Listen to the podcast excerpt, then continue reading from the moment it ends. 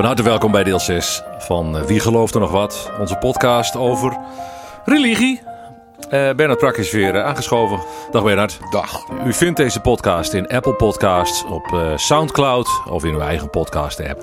Hoe dan ook, van harte welkom. Het einde van de serie is bijna in zicht. Tenminste, ja. deel 6. We hebben het veel over moslims gehad, over geschiedenis, over Romeinen, over de, de oudheid eigenlijk. Ja. Van waar die belangstelling daarvoor eigenlijk? Ja, ik kan maar het beste beginnen te zeggen dat ik uh, toen ik theologie ging studeren, was ik 18 jaar oud. En mijn ouders die stonden er versteld van, want die zeiden dat hebben wij jou niet uh, gewezen, die weg. Maar je gaat je gang maar, je mag zelf weten. En mijn vader voegde daaraan toe, probeer dan ook iets van geschiedenis. En dat heeft hij niet uh, te vergeefs gezegd, want ik heb waar ik maar kon, ook in de geschiedenis uh, gestudeerd. En daar kan je een hoop van leren. En als ik over de oorsprongen van het geloof spreek, dan duik ik ook altijd in de geschiedenis. Okay, leren we daar nou wat van, van de geschiedenis? Ja, denk het wel, denk het wel. Ik wou trouwens beginnen met uh, iets te zeggen over wat geloof eigenlijk is.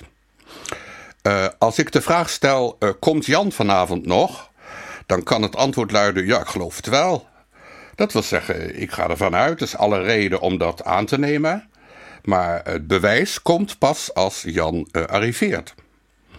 Geloof is een aanname, ook in religieuze zin. je hoort dat van anderen en je denkt, dat vond ik een mooi verhaal, of dat vond ik mooie muziek, of dat vond ik een mooi ritueel. En uh, dat heeft me nog lange tijd bezig gehouden.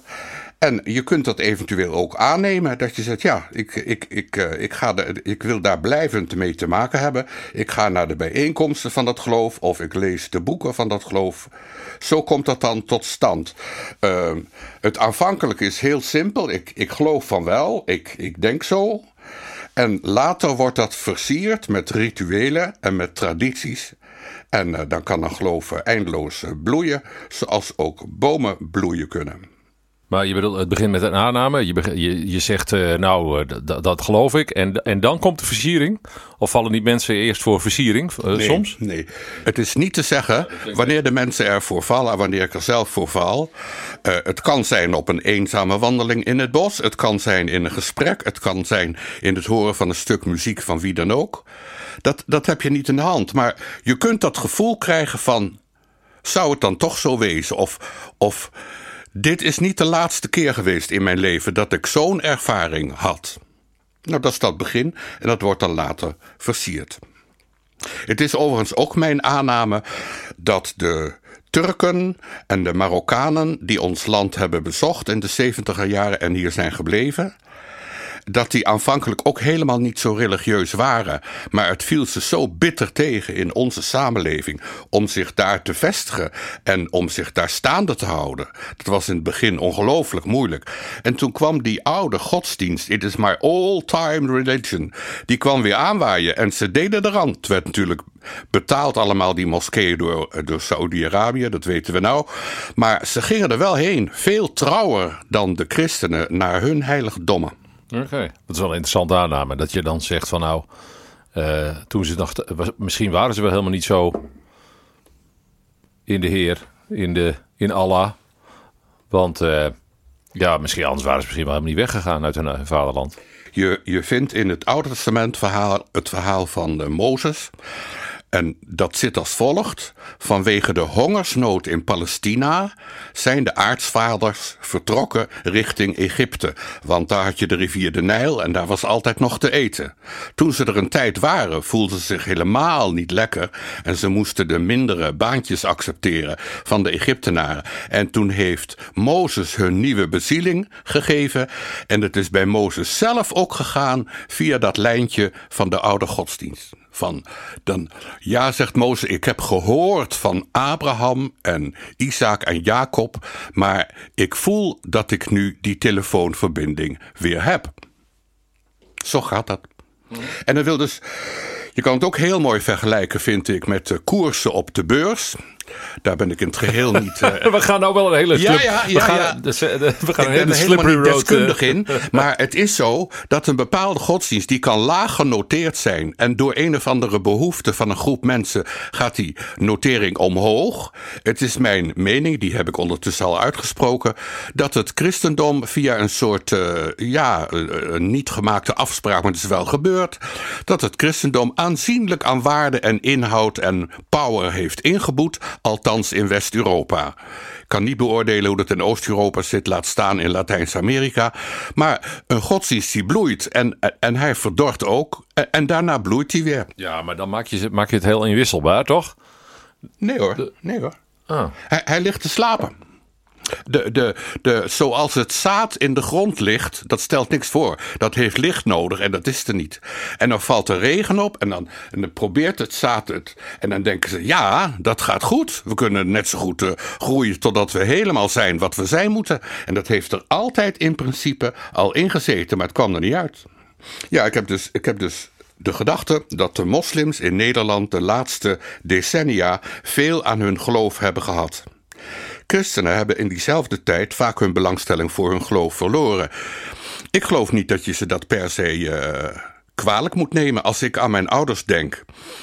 Mm, nee, daar, zit niks opzettelijks in, maar dat, dat is iets van. We kunnen het niet meer verbinden met onze ervaringen van heden.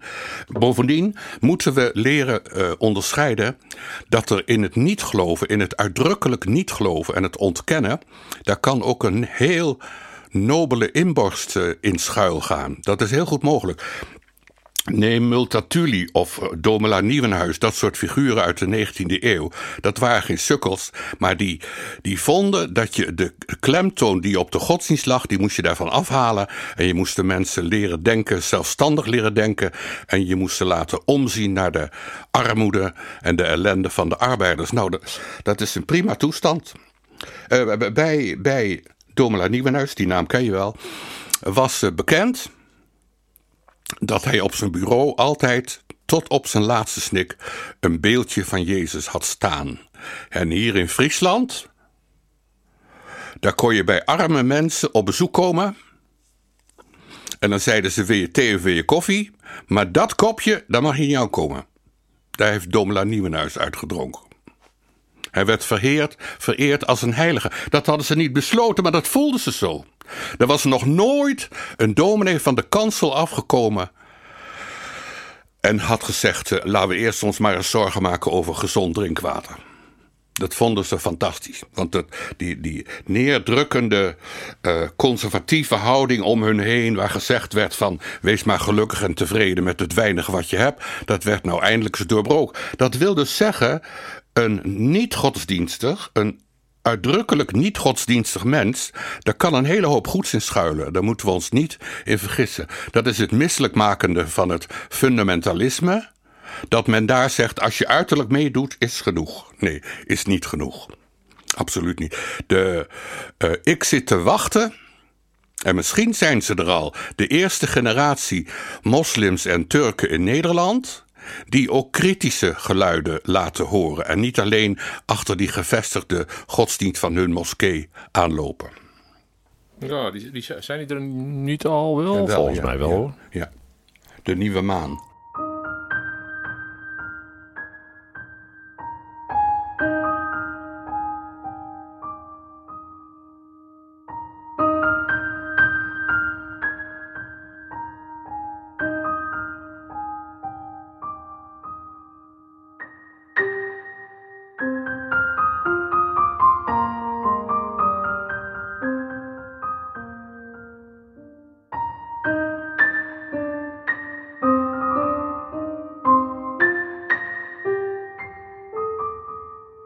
De, ik, zou ik heb gezegd, uh, geloof is een aannemen.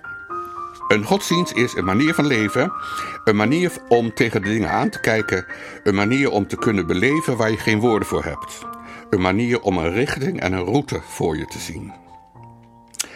Nou, uh, onze vriend Saulus van Tarsus, die later werd genoemd Paulus, die heeft zo hier en daar geprobeerd om niet zozeer de leer van het christendom te, te, verspreiden. Wat een onzin. Nee, het bericht aangaande Jezus van Nazareth, wat op hem een verpletterende indruk had gemaakt. Hij had het gevoel dat moet ik doorvertellen. Dat, dat kan ik niet maken om daar mijn mond over. Dus deed hij het.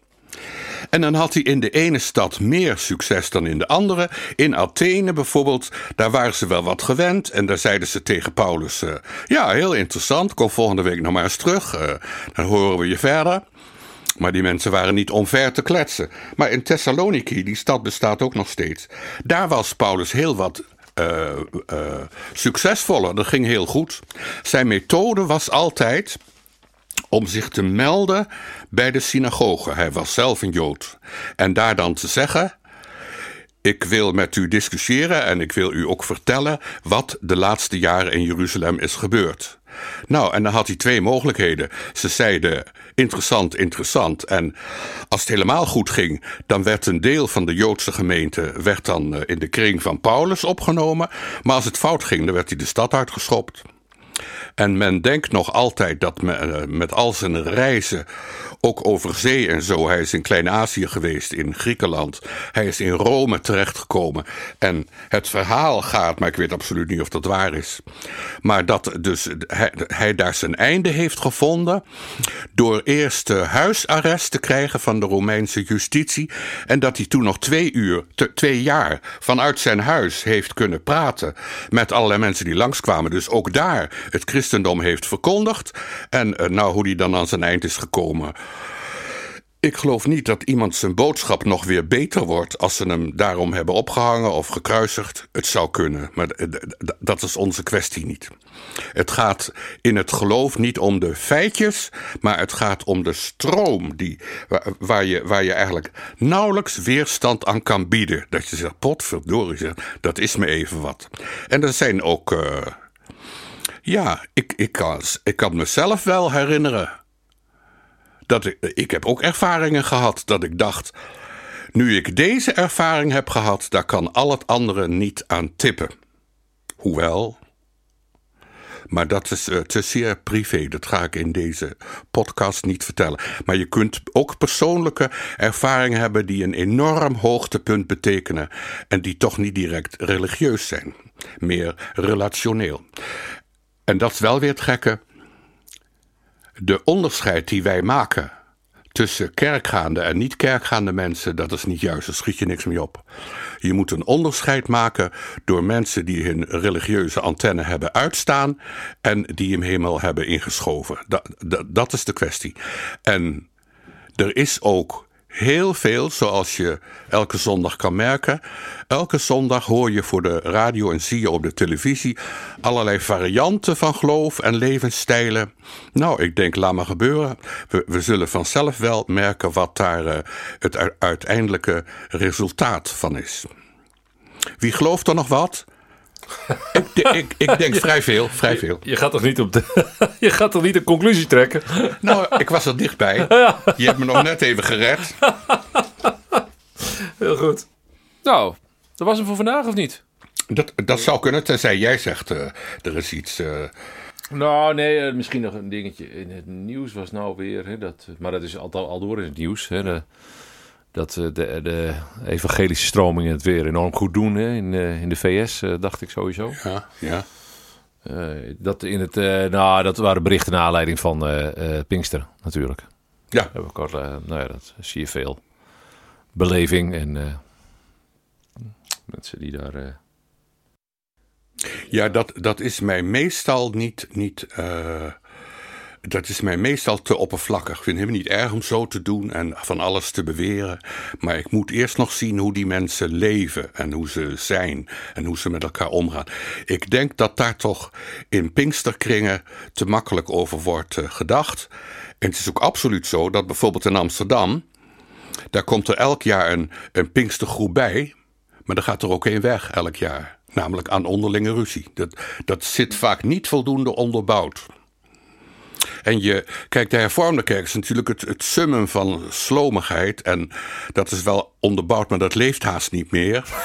Maar, maar het, is, uh, het is wel beter dan zoals de Pinksterbeweging wordt bestuurd. Want je kan niet alles uit intuïtie en uit uh, ja, de, de gaven van het moment laten komen. Je, je moet ook iets bestuurlijks hebben. Je moet er zo lang voor studeren en heeft die, die functie en die heeft die functie. Ik ben overigens wel van mening dat de indeling predikant, ouderling, diaken en kerkvoogd, ja, die, die heeft ze langste tijd gehad. Dat zou je heel anders kunnen inkleden. Maar ja, veranderingen kosten enorm veel tijd ja. natuurlijk. Ja. Oké, okay, Bernhard. Nou, dan houden we het op een korte aflevering vandaag. Okay. Zullen we dat doen? Dat is goed. Ik heb gezegd wat ik zeggen wou. En ik, ik rond dus af die zevende keer. De volgende keer een, een, een, een, een allesomvattende conclusie. Ja, zoiets. Ja. Iets waar we ons nou, nou toch eindelijk een keer aan vast kunnen houden. Zonder dat het allemaal... Volgende keer dus de afsluitende podcast van deze zevendelige serie Wie gelooft er nog wat? Met Bernard Prak uit Steenwijk. Dankjewel Bernard, tot de volgende keer. Graag gedaan.